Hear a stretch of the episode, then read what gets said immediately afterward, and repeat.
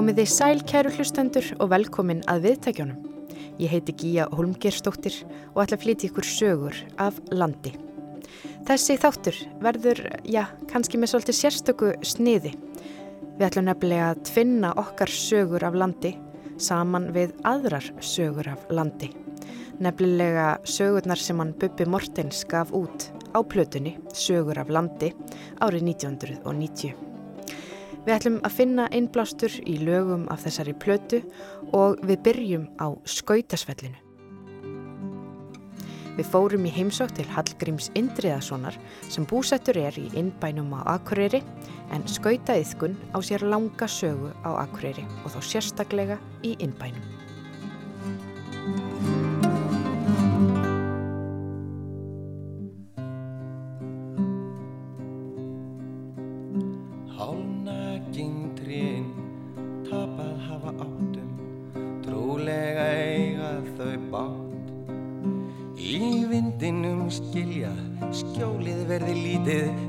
Skellur á norðan átt Þegar tjörnin frýst og frost býtur kinnar og fjöllin klæðast hvítum feld Þá fá skautar sem hengu í kólsvartri kompu að kissa í kveld. Og ég býð við þinn og undir ljósanum gullu út á svellinu fólkið ég sé Í kvöld við skulum skaut út á ísinn og skeri hann bíl og spil. Ég heiti Hallgrímur Indreðarsson og er eftir launathegi en uh, gammal skautamöður. Mm -hmm. Þú ert alveg upp hérna í innbænum og akkurýri og þetta svæði er nú svolítið þekkt sem skauta mekka akkurýrar. Já, það, það hefur lengi loðað við okkur einbæðinga að, að stunda skauta í þróttina og uh, hér voru aðstæður oft ágættar til skautaðiðkanna, sérstaklega á mínum yngri árum. Þannig að, að það leiti sjálfsögðu af sér að, að einbæðingar voru bísna góður á skautum. Já, það var nú skautað allstaðar, sko, það sem, sem að frös og við vorum svo hérna við vorum svo öflýgir á þeim tíma við meiri sé á höstin þá var farið upp á vatn á vaðlaheðinni sem heitir vegarstaðavatn þá letur menn sér hafa það að lappa þangað upp yfir til þess að geta skautað og spilað kannski hálf tíma, klukkutíma ísokki í björtu áður en að hérna myrkrið þjalla á Þetta var gert nokkur svona híman eftir slíkum ferðum, þá var gengið bara upp að skólavörðunni og svo inn á heiðin og þar er þetta vatn og það frýs bara eftir nokkur, nokkra frostnætur og heldur manni, það er ekki djúft heldur. Þar var skautað og svo var skautað eins og ég segi allstað, svo var tekið upp á því á vegum bæjarins að, að, hérna, að búa til svell á nokkur stöðum í bænum það var nú þarna eh, rétt hjá Ráðhúsinu, gamla moldarvellinu sem að þar var. E, og svo út í hverfónum á einhverju tímabili voru svona skautasvell fyrir krakka í hverfónum þetta var vinsælt. Var hefur heyrt af stórum eh, sískina hópum en bara einu par af skautum. Kannastu við þessa lýsingu? Já, þetta er nú svona held ég kannski svolítið fyrir minn tíma en en sérstaklega á stríðsárónum þegar að eh, skamtanir voru á öllu þá gekkuðu þetta hörmulega að útvega þann búnað sem þurfti og sérstaklega til þess að geta stundað ísokki því að ísokkið er, er svona dalti hörkuleg íþrótt og það þarf uh, fólk eða þeir sem að það stunda nota hlývar og, og svo er það kilvurnar og, og allt allt, það sem þarf til þess að stunda ísokki að, að fullir í hörku. Það var ekki til og menn voru að smíða þetta með ýmsum móti og, og uh, það var það aldrei almilegt Hvernig björguðu menn sér? Menn björguðu sér með ýmsum móti. Ég veit að, að hérna að uh, það voru smíðaður hokkikilfur í sko, strákanir sko, gerðu þetta í handavinnu í skólanum það var vinsalt eh, hérna að gera það og fyrsta hokkikilvan sem ég egnaðist var einhvern veginn smíðu þannig, hún er því meður ekki til lengur. En, en þetta var gert og hérna og svo auðvitað þegar, þegar þessu laug ég man eftir því eða hef lesið um það að, að, að eitt af aðalatriðum sko á aðalfundum skautafélags Akureyrar sem var stopnað 1937 var að útvöga gjaldeyri til þess að, að uh, geta keift erlendist þennan búnað. En ég veit ekki hvert að það fegst nokkuð tíma nokkuð út úr því en, en svo, svo fóru þetta eftir því sem samgöngur august þá fóru menn að, að byggja kunningi að kaupa þetta og, og smám saman varð uh, þetta nú til í því mæli að það var hægt að skipta í tvö eða fleiri lið með fullan útbúnað En uh, áttu eitthvað sögur af því að hafa komist í hann krappan á skautasvellinu? Það auðvitað þegar var, þegar var skautað á hildjúpum ís þá uh, gerðist það nú uh, oft kannski að uh, krakkar komur rennandi blöytir heim en sjálfur upplifði ég það reyndar sko að, að, að fara niður um vök á ís og vera svona tiltölu hægt komin. En, eh, en eh, þetta fylgdi því nú að vera á, á Ísnum og, og eitt af því sem að gamla skautafélagið það sem að var sko stopnað eh, einhver tíman rétt eftir 1900 sko meðlimir í því félagi höfðu það megin verkefni að sjá til þess að börn væri ekki að þvælast á Ísnum á veturna þegar hann var ótryggur mm -hmm. Þannig að þetta var svona samfélagslegt eh, verkefni skautafélagsins hins eldra. Já. Það hafa þá mögulega verið, já, orðið þó nokkuð mikið af sleysum eða?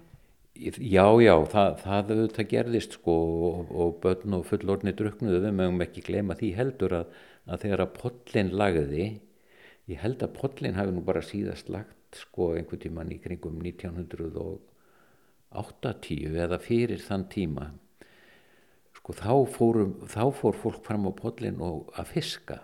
Mm -hmm. þannig að hérna og þá voru skildar eftir hólur og vækir og allt mögulegt að, en, en það, það, það voru nú ekki það stóra en eitt dittir niður um þær en, en, eh, en svona var þetta. Ísin var nýttur, ísin var nýttur til þess að skauta, hann var líka notaður sem samgöngutæki menn hérna uh, fóru úr sveitinni á skautum niður til Akureyrar þegar að uh, flæðarnar voru uh, ísilagðar og, og hérna og annað að efnið í leirugarðin sem að var hér einlega svolítið bæjarpríði var flutt á ís frá að austan úr vaðlehiðinni frá vegarstaðabás og raðað upp á ís hér uh, svona um það bíl þar sem leiruvegurinn nýji líku núna yfir sem er nú líklega orðin 20 ára gammal eða meira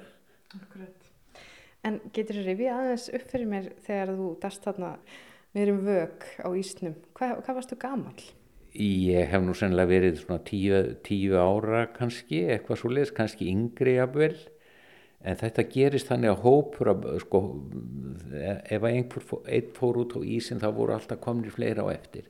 Og þarna úti fyrir leirugarðinu myndaðist alveg sko hópur af börnum á góðum ís sem var svona tiltöðlega nýfrósin og ég man eftir því að við vorum að hérna skauta yfir hann og þá hérna þá uh, let hann svolítið eftir og uh, hérna dúaði svona og uh, við fórum þetta nokkuð marga ferðir en, en smám saman sko þá var þann veikar og veikari og svo allt í enu bara myndi ég eftir mér þarna á flotti í vög og uh, krakkahópurinn tvistraðist og ég var einn að berjast þarna í vöginni en það var þó einn þarna uh, vinnur minn sem að hérna sem að uh, var ekki alveg uh, hérna ábyrðalös og uh, fór úr úlpunni sinni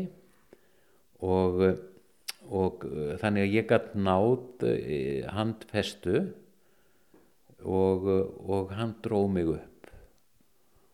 Og hérna og hann er nú látin núna þessi drengur maður og hann kom hérna í heimsók til mín fyrir ekkert svo löngu síðan.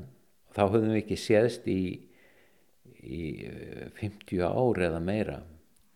Og hérna og hann saði mér frá því að, að hann hefði bjargað mér upp úr vökinu með þessum hætti.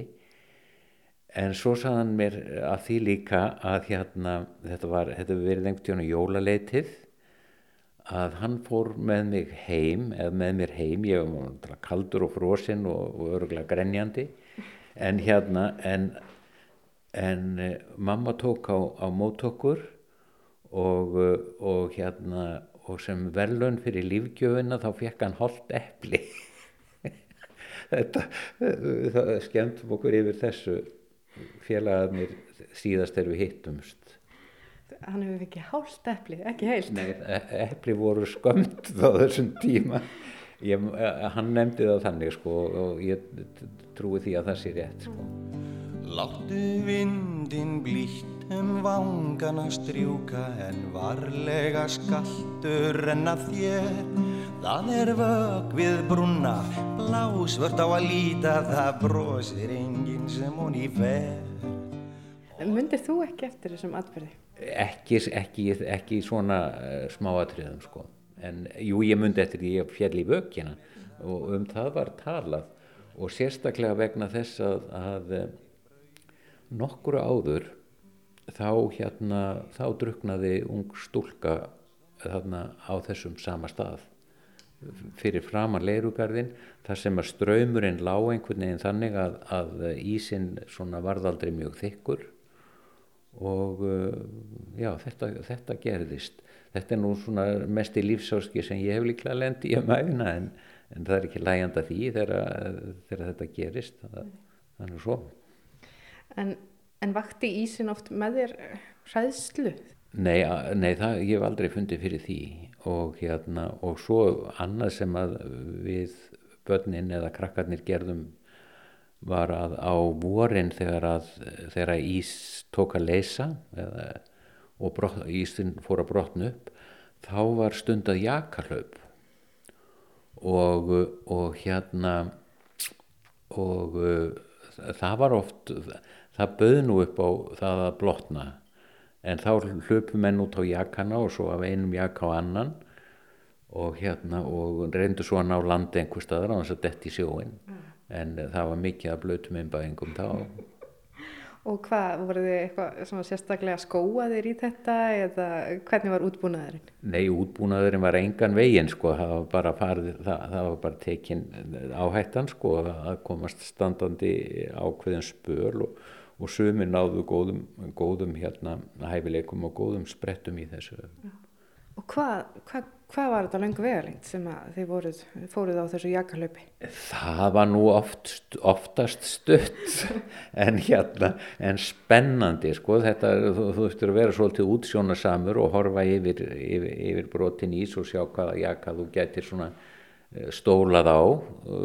Sumir voru það litlir að þeir sukku bara við snertingu og þá varst að finna þeir einhvern annars eh, svona sem flöð betur. Mm -hmm. en þetta var flott íþrótt sko jakalöp þó hún hefði aldrei verið keppnisgrein á olimpíuleikum En hún var keppnisgrein hér í innbænum Já, já, já, já og, og við strandgötuna víða sem var nú sko miklu meira dýpi. En ég veist að því að menn stunduði jakalöp þar líka. Og ég býð við nú undir ljósanum gullu og á svellinu fólkið ég sé Í kvöld við skulum skaut út á ísinn og skeri hann bjö pluss bjö. Einn fyrsta minning mín af, af hérna fólki á skautum er hérna bara eins og beint fyrir framann húsið hjá mér núna þegar að voru settar upp gaslugtir á kvöldin og, og hátalari og grammafót og þar var leikin, þá voru leiknir valsar og þar dansaði fólk á skautum eftir músík og þetta var bara æðislegt að horfa á sko. Já. Og þarna dönsuðu hérna, manni fannst þetta nú bara fullorðið fólk en þetta hefur verið fólk á bestaldri, á frábærlega hérna fíman og samfærandi hátt skautadans sem að var í raun og veru uh, svona eins og ákveðin, ákveðin partur af, af æfingaprógrami í listlöp og skautum. Þetta fólk kunni á skautum og hafði þjálfað sig. Og uh, þetta var romantist og flott sko. En uh, hins vegar sem sagt á þessum skautum, skautasvæðum sem að voru sett upp í, uh, á Akureyri þar var nú meira bara sko eldingarleikur og læti sko ja. en auðvitað þjálfun í leiðinni því að, að það að standa á skautum er, uh, er bara þjálfun og, og hérna og, og skerpan og, og uh, já, aðteglinn þarf að vera í leiði Takk fyrir að tala um skauta yðkun við okkur og, rifja svona upp gamla tíma. Mínu er ánæg.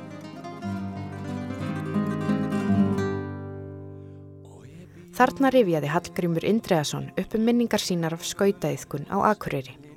Undir hljómaði lægið Vals fyrir Brynju sem að segir frá romantísku stefnumóti þeirra Brynju og Bubba á tjörninni í Reykjavík. Þessi saga er sönn, svona mestuleiti. Bubbi bauð Brynju vissulega á skauta af því að honum fannst það svo romantísk tilhöksun.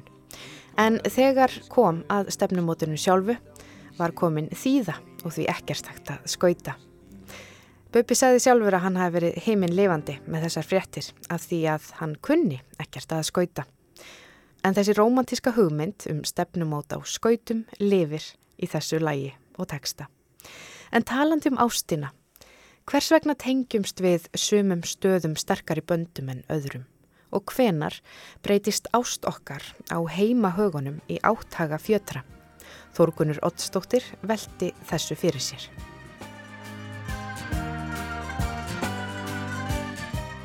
Ég heiti Þórótur Bjarnason og ég er professor í félagsfræði við Háskólan Akureyri. Ég er sem sagt, hef aðalega verið að skoða, síðust árin verið að skoða byggðamál, byggðathróun og, og svona búferlaflutninga, viðhorf fólks til búsetu og, og, og slikra þetta. Hvað er það sem að tengir fólk við ákveðna staði?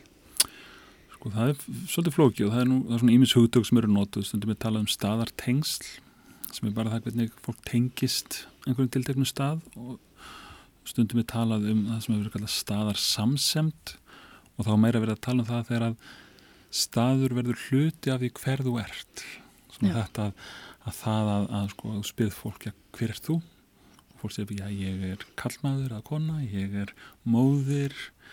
Kemur þá líka ég er mývetningur. Mm, er, er það að vera frá einhverjum stað tilheyri einhverju stað er það hlut af, af sjálfsmynd einstaklingsins. Mm -hmm. þannig að þetta er um kannski svona tveir megin svo eru alls konar blæbriðið þetta á, á þessu. Já, umveit, og þetta er svolítið mísjamt er það ekki, það eru svona kannski sumir staðir sem að verða einhvern veginn meiri hluti af, af sjálfsmynd fólks heldur en aðrir, eða svona sem fólk verðist kannski tengja enn meira við heldur en aðrir?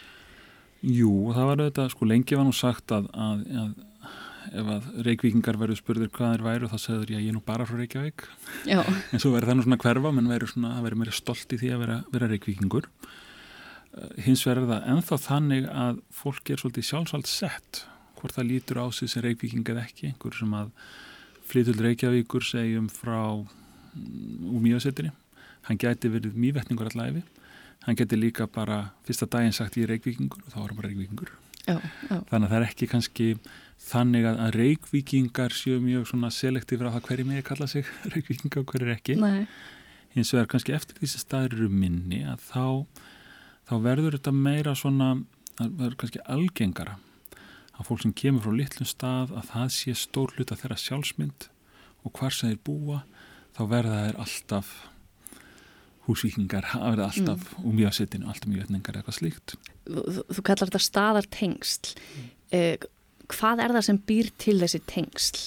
Er þetta ástina og umhverfinu, er þetta bara minningarnar úr badnæsku eða hvað er það sem býr Já. til þessa, þessa tilfinningu? Það, það er margþægt og það er líka personabundið að, að, að fyrir sömum skiptir náttúran miklu máli, það, er, það eru fjöllin og það er fjörðurinn og það er svona, þetta náttúrulega umhverfi fyrir öðrum er kannski fjölskyldan mjög miðurleg, þar að segja það hvar býr fjölskyldan mín. Svo erum við líka með dæmi um, um fólk sem að kemur á stað og bara verður algjörlega ástfangið fyrir haus mm. og myndar bara rosalega sterk tengslu staðin Já. og sest að og oft er það þannig að, að fólk sem að velur að setja stað á einhverju stað sem einhver sem að kemur frá meginlandi Evrópu, kemur lítið þorp á vestfjörðum, verður ástfanginu fyrir haus, getur haft rosalega sterk tengsl það að búa þessum stað skiptur um miklu máli og því að hann eða hún valdi Já. að lifa sínu lífið þarna frekar heldur en þetta sé kannski svona bara það sem þú upp eða slíkt. Þannig að það þarf ekki, þetta þurfi ekki að vera blóðbönd. Nei, það, það, vera... það er bara misjánt sko. Já. Já, við höfum skoðið þetta törfvert og það er eitt sem við svo sem sjáum er að jú, það skiptir miklu máli að vera fættur á staðinum. Það eru staðatengsnir svolítið meiri. -hmm. Þau líka aukast með tíman. Hins vegar sjáum við líka að við horfum til dæmis á innflýtjendur á Íslandi og horfum kannski, ef tökum sem dæmi, sko, pólska innflýtjendur á vestjörðum þar sem að kannski saga innflytjenda er svona, svona lengri að oft höfum við talað um pólska innflytjendur sem fólk sem kemur bara út af vinnunni að fólk búi pólverjar sem búi á vestfjörðin búi er bara því það er vinna mm -hmm. en þetta er vinna út um allt, skilir ekki allt og þegar að í þessum kannunum þegar að, að við tölum við fólk af, af pólskum uppruna á vestfjörðum að þá er það bara nákvæmlega sem hlutin sem kom upp, fjöllin mm. samfélagið sko, teng, þessi, stað, þessi sterkur staðatengsl sem að, að fólk, sem skiptir fólk miklu máli fyrir búsettuna En hvenar er það sem, já þessi bara svona tenging okkar við staði breytist hreinlega í áttaga fjötra? Já, það er auðvitað minna við hugsun bara um Íslandiki útlandum hvers vegna er það sem svo margir af þeim sem fara utan til náms og er í góðri vinnu í útlöndum og allt gengur inn í hægin finnst þér verða að flytja heim og kannski þegar krakkarnir verða eldri mm -hmm. þá verður að fara heim jáfnvel þó að launisjölægri, vinnutími lengri veðrið kannski vera á svo ræðis er þetta fjötrar, er þetta bönd? Það er svolítið aðalitið en, en við sjáum við, við horfum á litlu staðina að, að það er áhugavert að í þorpum og bæjum á Íslandi, minni þorpum að þar eru sko það er ekki náma 15% íbúana sem hafa aldrei búið annar staðar. Helmingurinn er aðfluttur þetta hafði enga rætur að flutta ángað mm -hmm. hinnir eru flestir fólk frá þessum stað sem flutti í burtu og kom aftur. Já. þannig að það er, það er svona hugmyndunum að, að fólk í, í sko, sjávarþorpum á Íslandi að minni beðalögum séu svona fólk sem að er ekki farið ennþá. Það er kannski ákveðið miskilingur það er bara yfirgnæfandi meirluti þeirra sem búa á minni stöðum vilja vera þar það, það er svona hvort, spurningi hvort þeim finnst þeir geta verið þar. Ég þekki þá ekki sem sjóin hér sækja. Sumar sem vetur miðinn sín rækja. En ég skil þá svo vel sem vil ég ekki fara. Hér vaka fjöld Og svorða staðirnir sem okkur þykir svo væntum en eiga undir höggað sækja.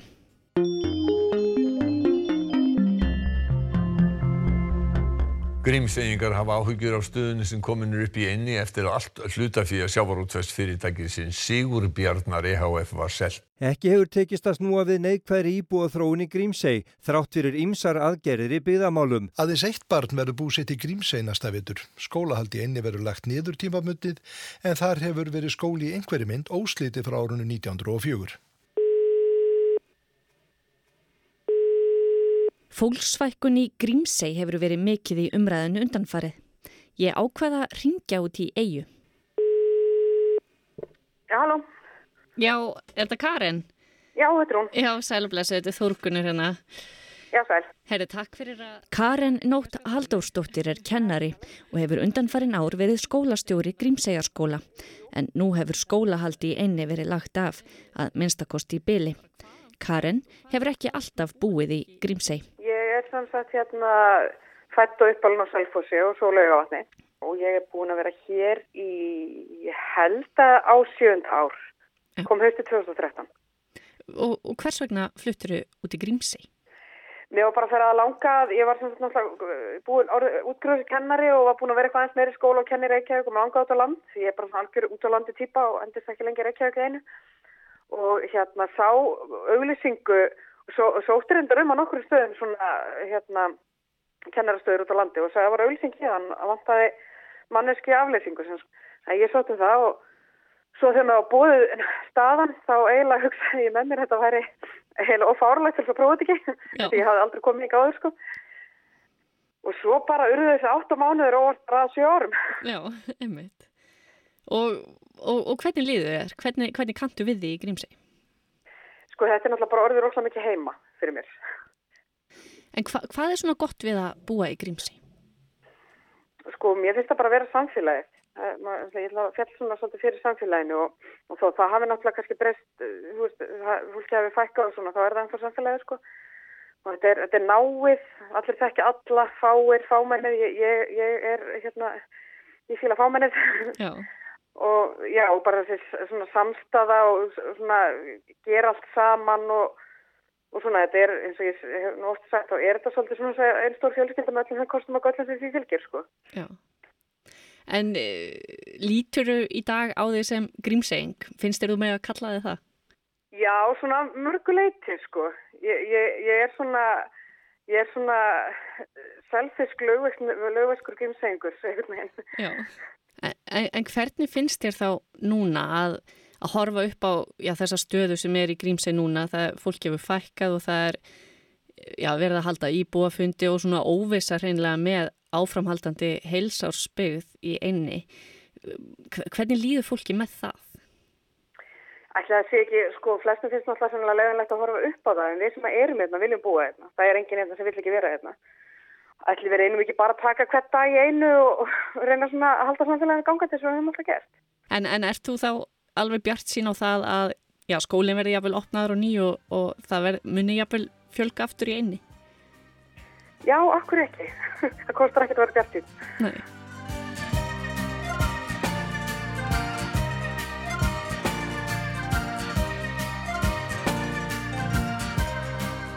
Grímsegi kannski svolítið sér á parti sem þessi sko, já, litla eiga sem er ekkert, hennar saga er ekkert síðan á 2000-öldinu þetta eru í það mest 800 ár já. sem fólk eru búið í Grímsegi þannig að þetta er alveg möfnuð saga. Uh, núna þetta standaði bara fram yfir alveg nýjum áskorunum. Og það er þetta bara algjör ofni spurning hvað, mm -hmm. hvað gerist og þá þetta skiptur öllu máli já, hvað vilja íbúanir þegar að, að, að, að flatega skjálfandalaðist af þá ákvaðu íbúinnar hluti í burtu hafa haldið við húsunum mm -hmm. og meðan höfnin er að þá er Já.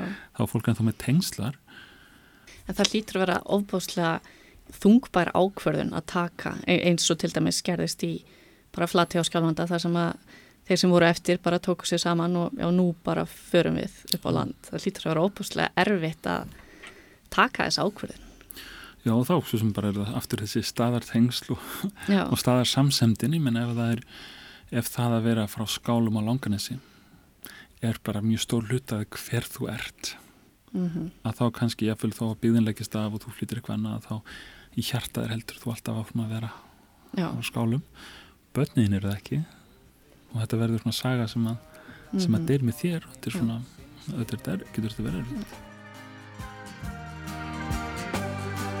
Blóðband hvistlar kvosinn Blóðband hvistlar mósinn Hvaðan ert þú? Stundum segja ég sé að meðaltali frá Akureyri því að, að hérna, öll mjög fjölskyld er á norðan en úr báðum þingasíslónum og húnasíslunum skafafriði mm -hmm. þannig að Akureyri er kannski, kannski meðaltalið Já. ég sko ólst upp í bandaríkjunum að hluta mm, sko örlítið á Blöndósi, Reykjavík, heilmikið í Garðabæ, búið í 20 ára Akureyri. Hvaðan er ég að fyrir eftir hvernig ég tala við? ég get verið ímislegt sko. Já, en þér finnst þú alveg meig að segja að þú sést Akureyringur? Já, ég held að ég hef nú kannski verið svona í þessum hópi sem þegar ég flutti hérna fyrir 20 árum bara, þú veist að mér, já, nú á ég hús hér og, mm -hmm. og barnið mitt er fætt hérna á spítalanum, þannig að nú er ég Akureyringur og hvað, mér er saman hvað þér finnst um það sko. Hins vegar sko kona mín sem er búin að hún er sko ekki bara sko reykvík, hún er breyðhildingur og búin að vera það þá hún er búin að búa hér svona lengi Einmitt, og það breytist ekki, það breytist ekki.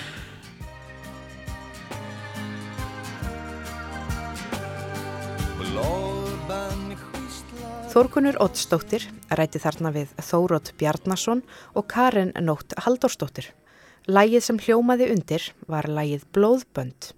Lægið er óður til landsbyðarinnar, til þorpana og til náttúrunar. En næst er það síðasta lægið á plötunni. Lægið í kvöld er talað fátt. Í þessu lægi er talað um sjómenn og óttan við að bátarnir komist ekki land um fjöllunarefni sem á heyra í mörgum af lögum buppa. Í þessu lægi er farið hringin í kringum landið og hver landsfjörðungur á sitt erindi. Og sögurnar sem verða tvinnaðar við þetta lag er saga hjónana Stefáns Lárusar Pálssonar og Elsu Sigurðardóttur. Þau bú á Akranissi en eru bæði að austan. Þau kynntust þar á unga aldri og feldu fljótt hugi saman. Stefán fór ungur að stunda sjóin og varði yfir 50 árum við hinn ímsu sjómanstörf. Á meðan hjælt Elsa heimilinu gangandi þar sem voru 11 manns þegar mest var. Elsa Maria Guðlöks Drífudóttir, fréttamaður á Vesturlandi, tók hjónin tali.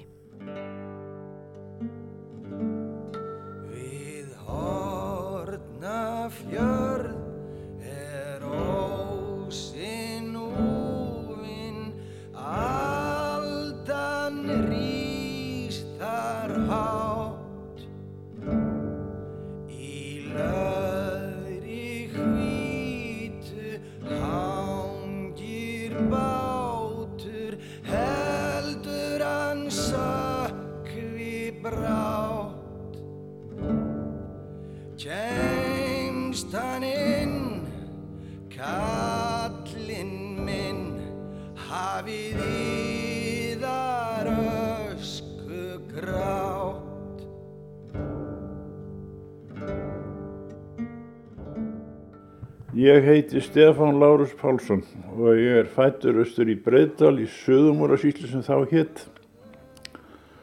20. mæ 1940 á bæ sem heitir Gilsá og er í byggð en þá. En ef við kannski einbyttum okkur svolítið að svona þínum árum þegar þú, þú náttúrulega varst á sjó svo ábáslega lengi, hvenar var það sem þú fóst fyrst? Það get ég alveg sagtur upp á dag og tíma. Það var, ég var munstraður fyrst 19.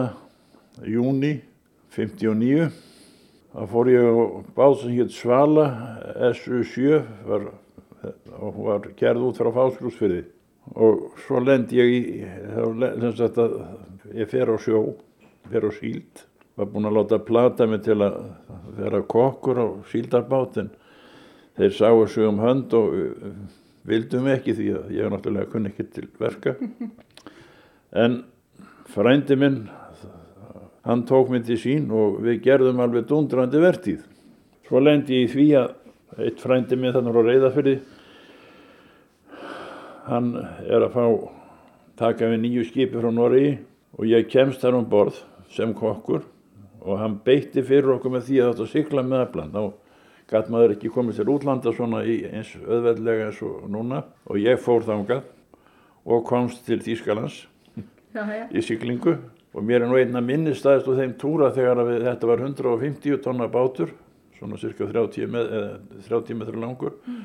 við mættum skipi sem heiti United States farþegarskip mm. sem var eitt af staðsta í heimi þá þegar við síldum framkjáði í fljóttinu það var eins og að fara undir Hortbjörg það var knæfið yfir mann alveg reyn þetta var eitt af því sem að situr í mann ennþá sko svo leiti hvað af öðru Breitalsvík voru, var uppgangur í voru keiftur bátur og þá fór ég þanga, þar var ég í þrjú ár.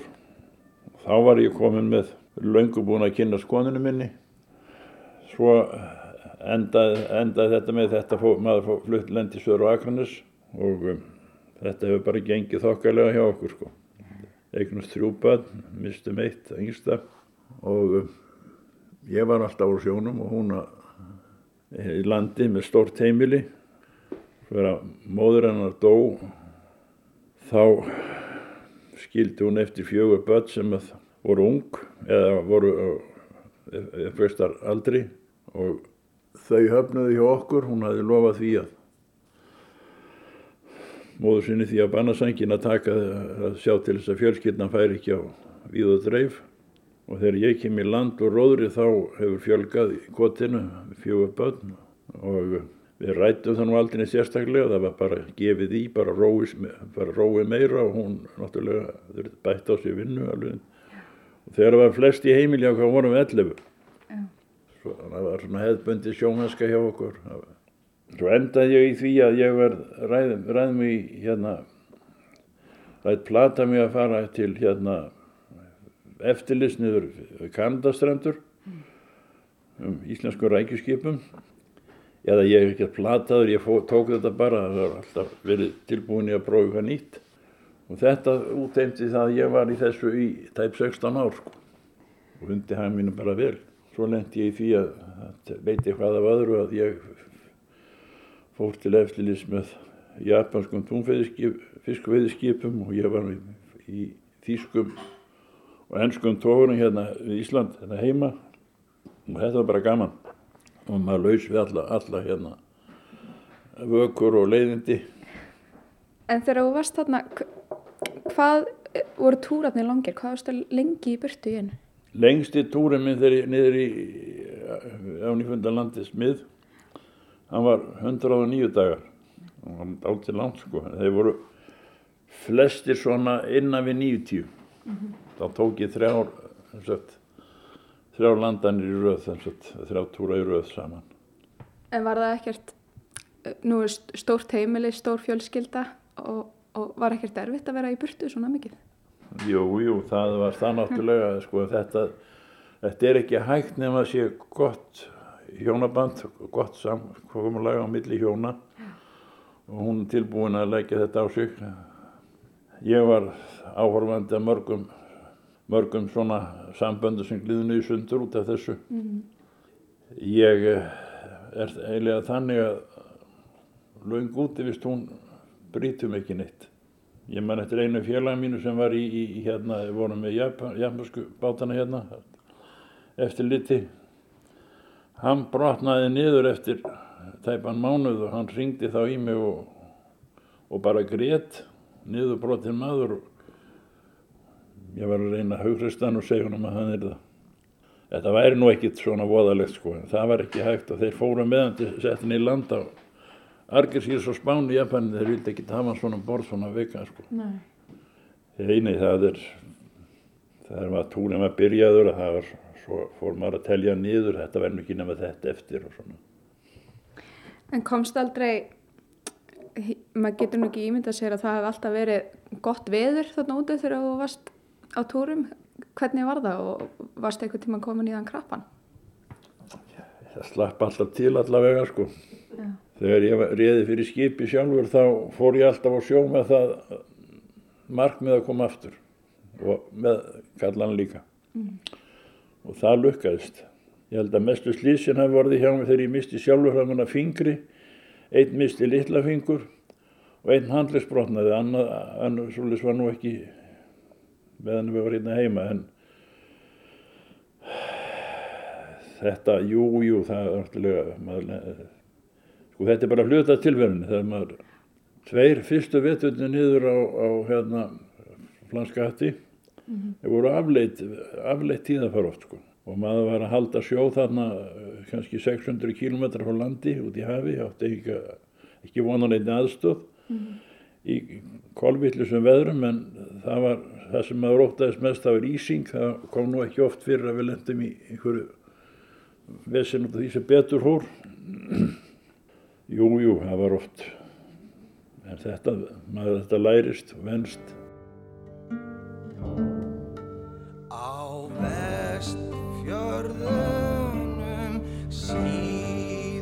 Sigla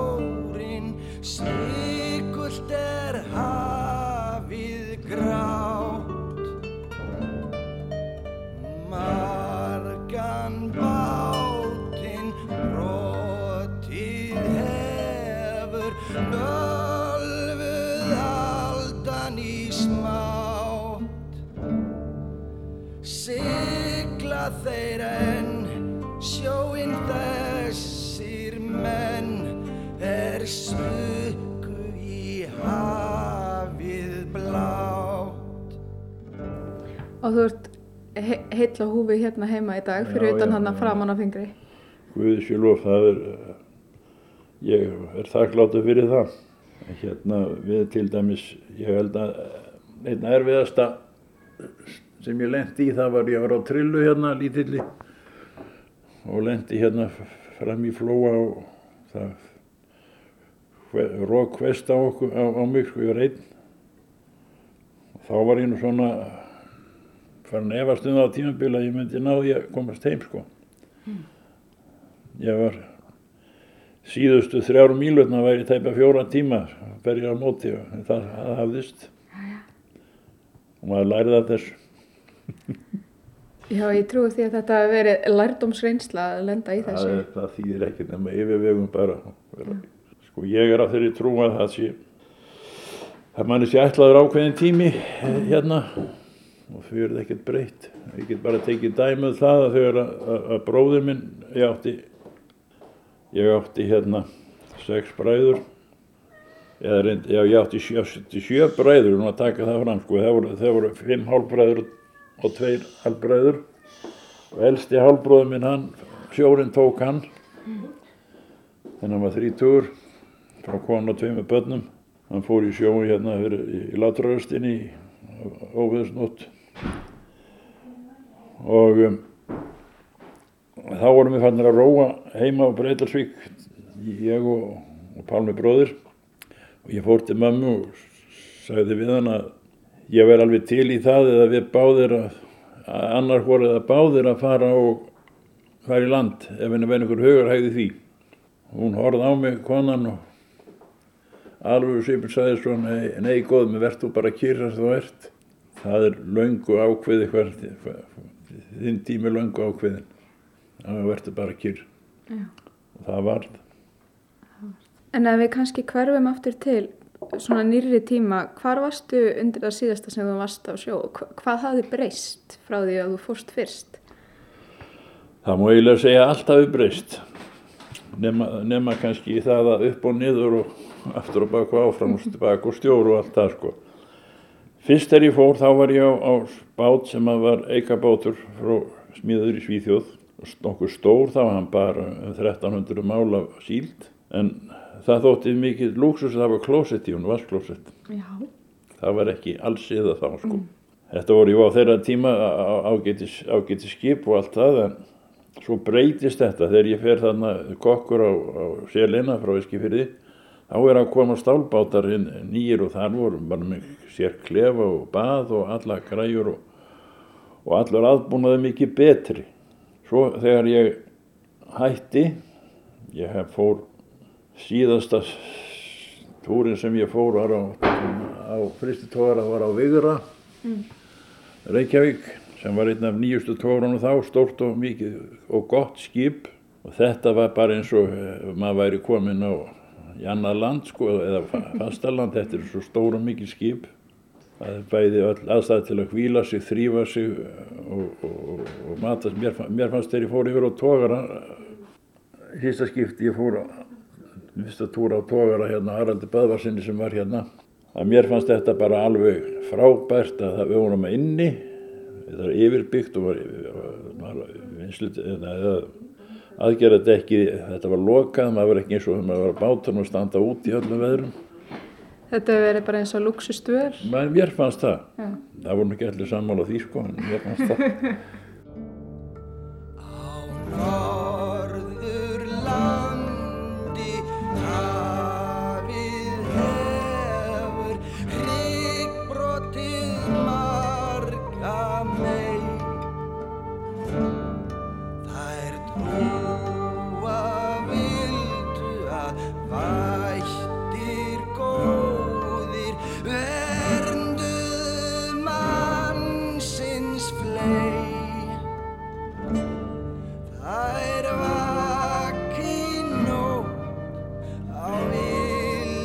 finnst þrótt meðan voning hverfur einn.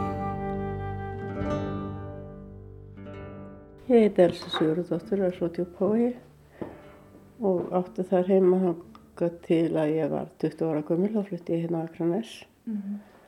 og hér hef ég verið síðan. Mínu fóröldar voru Sigurður Jóhannesson, sjómaður og Sigurður Leðurstóttir bara hús, húsmóðir og þau áttu sín áttaböðn. En þau fluttu hérna söðu líka, mamma og pappi, sem sagt með sín Þau voru ekki orðin nema fjögur, fimm heima þá. En hún liði nokkið lengi eftir að komum hinga. Hún dó 1966, 50 ára gömul. Og þá skildi hún bara fólkið sitt eftir mm. hjá okkur. Og við bara, þetta bara leiði svona áfram, gerðist bara svona. Já. Bara þá eru það orðin ansi mörg hérna inn á heimilinu?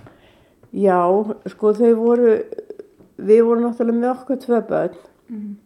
svo var pappi hjá okkur og svo voru þau fjögur sískinum frá 10 til 16 ára svo var náttúrulega alltaf fullt af fólki kringum okkur svona meira þeir voru að koma hérna svona bræður hans og koma á vertið bróðu minn utan á vestmann kom hérna að vera eina vertið elsti bróðu minn. Svo lesa þetta var alveg alveg fullt að gera. Maður fór svona niður svona fjögur á mótnana þess að þú að þú vattin og og koma þessi alltaf fram þá var náttúrulega alltaf matur í hátin og matur á kvöldin og hún segja, segja stelpunar að það er myndi eftir mér skúrandi gólfin á eftir hátið og daginn og, og líka eftir kvöldmat þetta var alltaf svo mikil umgangur þetta var smart fólk en þetta blessaðist alls saman og Jújú, svo hann var náttúrulega aldrei heima þessi kall. Hann var alltaf að vinna fyrir okkur. Svo náttúrulega leið og ég hérna, leiði að fara að minka hjá mér heima þá fór ég bara að vinna líka. Ég fór að vinna fyrst hérna hjá fiskiver, hérna þar sem að hafverðin var síðast. Svo var ég svona hinn og þessu ég var. Ég endaði vinnu daginn minn hérna hjá Akraborg. Þá var ég orðin 67 ára og þá var ég eiginlega bara búinn ég gæti ekki með en í dag er ég allt í lægi sko ég meina þetta er bara rúla svona áfram En maðurðin svona mikið í burtu á túrum var ekkert erfitt að vera bara einn með allt þetta fólk að heimilinu? Nei, ég veit það ekki. Stundum fannst mér að fyrir þegar hann kom heim.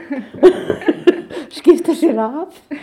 Og það var nú bara þannig sko að til og meins krakkarnir þau spurðu hann aldrei, okkar krakkar, þau spurðu hann aldrei ef það var eitthvað sem hafa ventað eða þurfti að gera, þau spurðu alltaf mömmu, mamma átt að spurja pappa.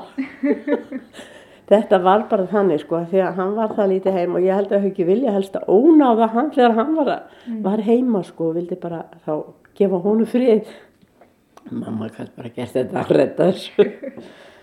Jújú, auðvitað var þetta erfitt eh, ofta á tíðum en svona maður taldi, eins og hann sagði maður taldi niður En það hefur þá verið svolítið breyting síðan þegar þið kannski hætti bæði að vinna og eru síðan bara með hvort öðru allan daginn, allan daga. Já, já, við hættum bæði að vinna um svipa leiti, við erum jafn gömul svo til að hann er eitthvað fjórum mánuðum yngri en ég og við hættum svona svipa leiti að vinna og hann var náttúrulega búin líka, hann var búin í lappinnar á hann voru búinar og svona ímislegt sem maður farið að láta á sig á eftir alltaf um tíma en svo hefum við bara haft haft bara bóða gaman hvort að öðru síðan og við ferðistum mikið og eigum húsbíl og förum mikið um og svo eigum við hérna gott, fólk að sem að kemur hérna til okkar á hverjum degi. Þau eru aðalega tvö sem komi hérna til okkar á hverjum degi. Þannig að það, þetta er allt saman bara í blóma. Þannig að þeir eru kannski núna í dag að bæta upp fyrir þann tíma sem þið voruð í sundur? Ég kannski, en við, við þökkum fyrir á hverju kvöldi og, og hverju mótni bara að vera, bara geta verið saman og átt okkar, okkar stundir. Við bara líður held ég ágætlega saman. Skýstustum á skoður stundum og svona eins og gengur að gerist. Já, búum við kettinum. já, já. Nú að kannski að ákomendunum, er eitthvað fleiri sem að álpuðust á sjó? Já, drengurinn okkar, hann var á sjó í hann var mörgar á sjó, hann Pétur hann byrjaði á sjó bara þegar hann var bara krakki sko.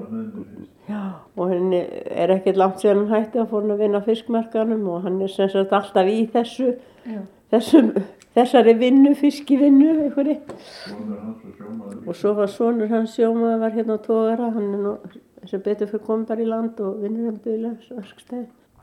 Það segir komin að land sem betur fyrir, leist þér ekkert á þetta? Að ég, mér finnst bara, jú, mér finnst það gott að ég veit ekki hvort að, sko, eftir það að hann búin að eða mest allir sinna æfi og svo þá finnst mér eiginlega, ég veit ekki hvort að ég er nokkuð voðalega spennt fyrir því að fólk, menn sé að eða allir sinni æfi frá, eða mest allir sinni æfi frá fjölskyldinni. Ég, mér finnst það bara voða gott að hafa það neina. Varstu eitthvað tíman hrættum að hann kemi að, er þið erfitt úti? Og... Nei, ég, veistu, ég var ekkert hrætt um það ég var ekkert hrættum það, ég bara, maður trúði alltaf á það eins og hann segir, sko, ég hef alltaf trúið því að okkar lífsbók væri skrifuð og, og, og henni er ekkert breytt sama hvar fólk væri. Mm. Þannig að segja það líka núna í, í veirunni, ég segi bara þegar krakkarnir segir á svo gömul, ég afhætti hóp, ég segi þetta er búið ákveðið fyrir löngu síðan, þetta var ákveðið leið við fættistum þegar við færum og hvort við fyrir úr þessu eða einhverju öðru, það við veitum ekkert um það. En ég held að það sé mjög heilnægum og góð leið til þess að horfa á lífið. Að bara, það er búið að skrifa þetta. Það er búið að skrifa þetta. Við vitum það. Ef við, ef við trúum á það sem við eigum að trúa á, að þá, þá trúum við því að þetta sé á, allt ákveð. Ég myndi segja það. Við söður landið sína ægi sína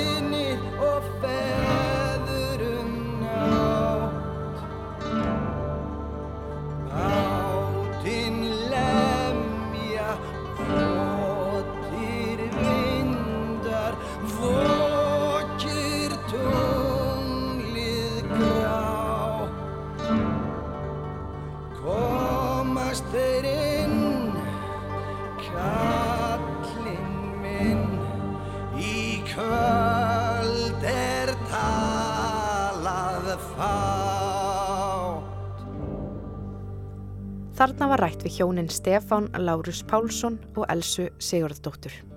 Og með þessu síðasta einslægi er komið að lokum af sögum af landi í dag. Við erum komin hringin, ferðalæginu um sögur landsins lokið. Og tæknimaður í þessum þætti var Einar Sigursson. Við þökkum þeim sem hlýtu, lifið heil.